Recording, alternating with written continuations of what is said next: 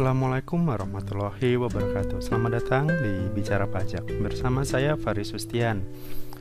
Kali ini Melanjutkan pembahasan yang sebelumnya tentang PKP pedagang eceran. Kali ini kita akan membahas tentang memahami pengertian dan fungsi faktur pajak di gunggung. Seperti apa definisinya dan bagaimana pelaporannya di SPT masa PPN Silakan simak pembahasannya berikut ini kita mulai dengan definisinya. Faktur pajak di gunggung adalah faktur pajak yang tidak diisi dengan nama atau identitas pembeli dan tanda tangan penjual. Faktur pajak jenis ini biasanya digunakan oleh PKP pedagang eceran. Nah, jadi jelas ya. Jadi faktur pajak di gunggung ini biasanya faktur pajak yang tidak sesuai atau tidak sama dengan faktur pajak pada umumnya yang biasanya kita buat melalui aplikasi e-faktur. Kenapa? Karena di faktur pajak yang digunggung ini dia tidak ada identitas pembeli, misalkan nama, alamat, NPWP, dan juga tidak perlu ada tanda tangan penjualnya. Nah, tadi kemudian faktur pajak biasanya ini faktur pajak digunggung itu digunakan oleh pedagang eceran yang seperti yang saya jelaskan di video sebelumnya. Nah, karena faktur pajak digunggung ini bisa digunakan atau hanya digunakan berlakunya untuk PKPPE pedagang eceran, maka PKP tidak perlu melaporkan faktur pajak satu persatu, melainkan digabung tanpa adanya identitas dan tanda tangan pembeli. Kalau yang faktur pajak standarnya yang biasa itu kan kita harus input satu persatu dulu ya di aplikasi e-faktur, kemudian nanti kita apa submit, dapat approval dari DJP, kemudian ada nomor serinya dan seterusnya. Nah, kalau faktur pajak di gunggung ini tidak perlu melalui proses seperti itu, jadi cukup langsung dibuat saja, kemudian langsung dilaporkan di ISPT atau sekarang web e-faktur PPN. Nah, sementara perbedaannya dengan faktur pajak yang digabung adalah kalau faktur pajak digabung merupakan faktur pajak yang tidak selalu diterbitkan setiap kali PKP penjual menjual barang atau jasa ke PKP pembeli. Pada kasus ini, faktur pajak digabung itu biasanya akan tercatat secara tergabung dalam faktur pajak periode satu bulan kalender. Jadi, kalau faktur pajak gabungan itu kan biasanya kita akan membuatnya di akhir penjualan tersebut atau di akhir masa penjualan tersebut. Tapi dengan catatan yang kita buat adalah untuk satu klien, untuk satu pembeli. Misalkan bulan Maret Ternyata PTA sebagai pembeli dia membeli beberapa barang ke PKP penjualnya. Misalkan ada 10 transaksi di bulan itu.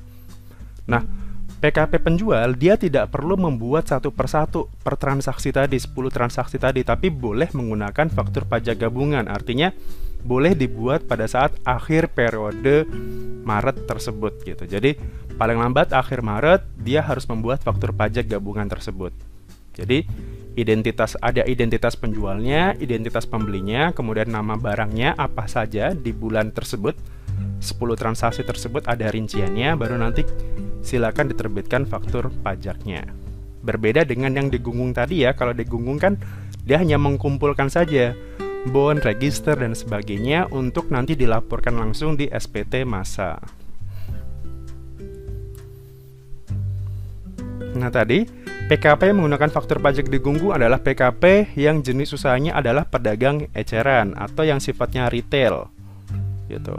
Biasanya kalau yang pedagang eceran itu kemarin sudah saya jelaskan di video sebelumnya itu terkait misalkan kalau penjualannya itu yang terkait penjualan langsung ke konsumen akhir atau biasanya penjualannya yang sifatnya tunai kayak minimarket, kemudian department store kayak Alfamart, Indomart itu adalah pedagang eceran gitu. Jadi dia langsung menjualnya ke konsumen akhirnya. Maka atas truk mereka, atas bond register mereka itu dianggap sama dengan faktur pajak yang digunggung ini atau faktur pajak sederhana istilahnya.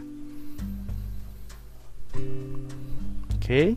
Jadi ini ya, PKP adalah PKP yang khusus pedagang eceran. Kalau yang PKP biasa, misalkan dia kontraktor, misalkan dia developer, misalkan dia Selain pedagang eceran, maka dia tidak boleh menggunakan faktur pajak denggungung ini. Dia tetap harus membuat faktur pajak yang standarnya sesuai dengan nomor seri nomor seri yang di apa diberikan oleh DJP. Nah, kalau untuk formulirnya sendiri, untuk pelaporan di SPT masa PPN itu ada di formulir 1111AB. Jadi kan kalau PPN itu kan sekarang pelaporannya menggunakan web e-faktur ya. Web e-faktur, Anda login di sana, Anda masukkan install dulu sertifikat elektroniknya, login, kemudian nanti kalau ada pajak masukan silakan klik pre-populated data dan seterusnya. Tapi kalau untuk pelaporan faktur pajak yang digunggung, silakan Anda langsung ke formulir AB di sini, kemudian di bagian B penyerahan dalam negeri, kemudian poin nomor 2 di situ penyerahan dalam negeri dengan faktur pajak yang digunggung. Nah, nanti silakan Anda tinggal isi saja DPP-nya berapa, total penjualan Anda selama satu bulan bagi pedagang eceran berapa, katakanlah misal satu miliar gitu DPP-nya. Maka ya berarti kalau satu miliar PPN-nya kan dikalikan 10% ya, berarti sekitar 100 juta. Gitu. Jadi langsung tidak perlu ada rincian fakturnya di sini. Jadi langsung di di apa? Ditulis aja angka DPP-nya berapa. Tapi kalau misalkan dalam satu bulan katakanlah ada faktur pajaknya, ada faktur pajak digunggung ya berarti di sini kan ada A2-nya juga. A2 itu kan berarti kumpulan faktur pajak yang kita keluarkan atau PKP keluarkan sebagai pajak keluarannya. Tapi yang bagian B ini itu diisi apabila Anda tadi ya pedagang eceran yang mengeluarkan faktur pajak di gunggung. Nah, dari situ tinggal kita nanti akan ada penyesuaian. Kan kalau PPN itu kan penjualan dikurangi pembelian, pajak masukan dikurangi pajak, sorry, pajak keluaran dikurangi pajak masukan. Nanti tinggal selisihnya saja dihitung apakah kurang bayar atau lebih bayar. Untuk lebih jelasnya ada di video saya yang lainnya tentang mekanisme penghitungan PPN. Di situ uh, apa itu pengertian pajak keluaran, apa itu pengertian pajak masukan, seperti apa cara pembayarannya itu sudah saya jelaskan di video saya sebelumnya. Dan juga untuk pelaporan SPT masa PPN-nya juga sudah ada di video channel saya. Itu terkait dengan pelaporan PPN menggunakan web e-faktur ataupun kalau misalkan Anda kerjasama dengan PJAP, penyedia jasa layanan aplikasi perpajakan, Anda juga bisa silakan lapor menggunakan bisa melalui online pajak atau melalui apa PJAP yang lainnya. Nah, di sini data yang tidak ada pada faktur pajak yang digunggung tadi kan ya. Paling tidak di situ dia tidak akan ada namanya nama alamat NPWP pembeli. Kenapa ya? Karena ini sifatnya sederhana, nggak mungkin kalau kita misal kita beli di Alfamart misalkan atau Indomaret sebagai PKP pedagang eceran, kita nanti akan langsung ditanya, Pak NPWP-nya berapa, nama Bapak berapa, nomor KTP Anda berapa, kan nggak mungkin ya. Jadi kalau kalau kita beli misalkan perintilan eh, barang-barang di Alfamart misalkan, itu kan langsung saja ini berapa? gitu, langsung dikasih struknya. Tanpa ada di situ kalau kita perhatikan struk belanja di Alfamart atau Indomart atau yang sejenisnya itu pasti di situ hanya ada keterangan NPWP penjual, nama penjual, kemudian detail barang, kuantitas, nama barangnya berapa, kuantitasnya berapa, harganya berapa. Di situ kemudian disebutkan barang sudah termasuk PPN. Nah, itu saja yang ada. Jadi item-item itu saja yang ada di faktur pajak di gunggung. Dia tidak ada nama pembeli, NPWP pembeli, alamat pembeli dan juga tanda tangan pembeli ataupun penjual. Dia tidak ada di situ. Oke. Kesimpulannya adalah yang pertama, faktur pajak di gunggung adalah faktur pajak yang tidak dilengkapi nama atau identitas pembeli dan tanda tangan penjual gitu. Contohnya tadi ya ada bond, ada stroke, ada bond register, ada invoice dan seterusnya. Kemudian, faktur pajak digabung adalah faktur pajak gabungan yang terbit dari transaksi yang dicatat secara tergabung dalam periode satu bulan kalender. Jadi kalau faktur pajak gabungan adalah faktur pajak standar yang memiliki nomor seri apa faktur pajak yang dibuat dalam satu masa untuk satu klien, untuk satu pembeli. Tadi ya contohnya misalkan dalam masa Maret itu ada 10 transaksi. Daripada dia harus buat 10 faktur pajak, maka boleh PKP membuat satu faktur saja, kemudian dari 10 transaksi itu di rincikan di satu faktur, tapi hanya untuk satu penju apa hanya untuk satu pembeli. Misalkan kalau yang lainnya juga sama. Jadi yang lainnya katakanlah pembeli juga, pembeli lainnya itu juga dia ada 5 transaksi, 15 transaksi boleh itu dibuat faktur pajak gabungan. Jadi mungkin biar lebih hemat saja nomor serinya gitu. Jadi biar tidak terlalu banyak nomor seri yang dikeluarkan.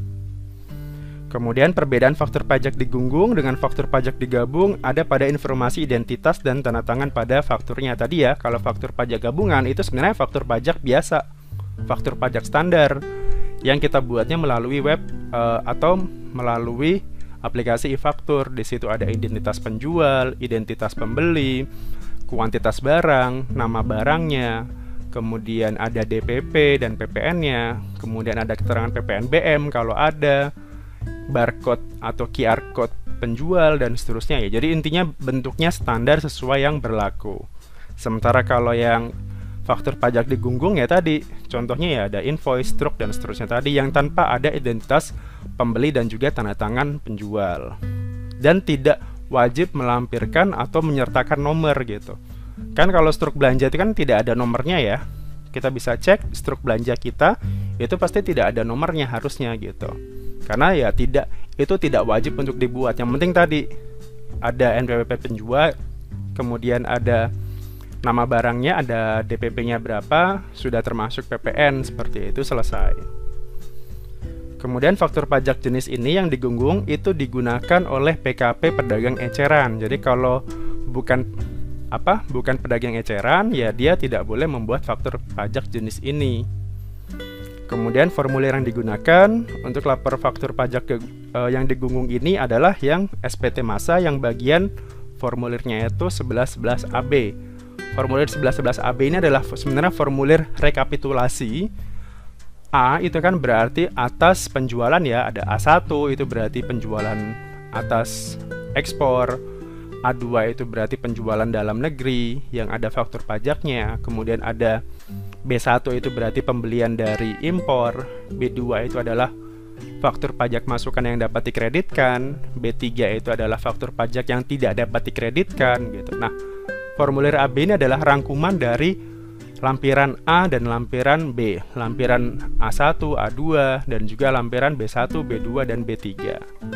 Nah, tinggal di situ di formulir AB-nya itu ada keterangan penyertaan atau penyerahan barang yang yang apa yang ada faktur pajak di gunggung. Nah, di situ tinggal kita isi DPP-nya berapa, dasar pengenaan pajaknya berapa atau apa dasar penjualan kita berapa, kemudian PPN-nya adalah 10%.